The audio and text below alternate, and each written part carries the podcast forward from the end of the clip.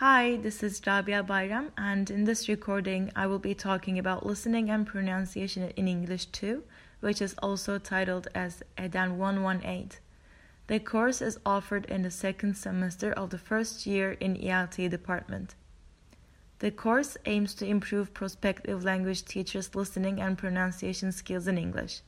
For this purpose, it provides students with the skills needed for analyzing authentic listening materials and speech samples, basic listening and phonetic skills such as discriminating minimal pairs and formulating phonetic transcriptions of problematic sounds, higher level listening skills and strategies, the fundamentals of listening and phonetics, namely vowels and consonants.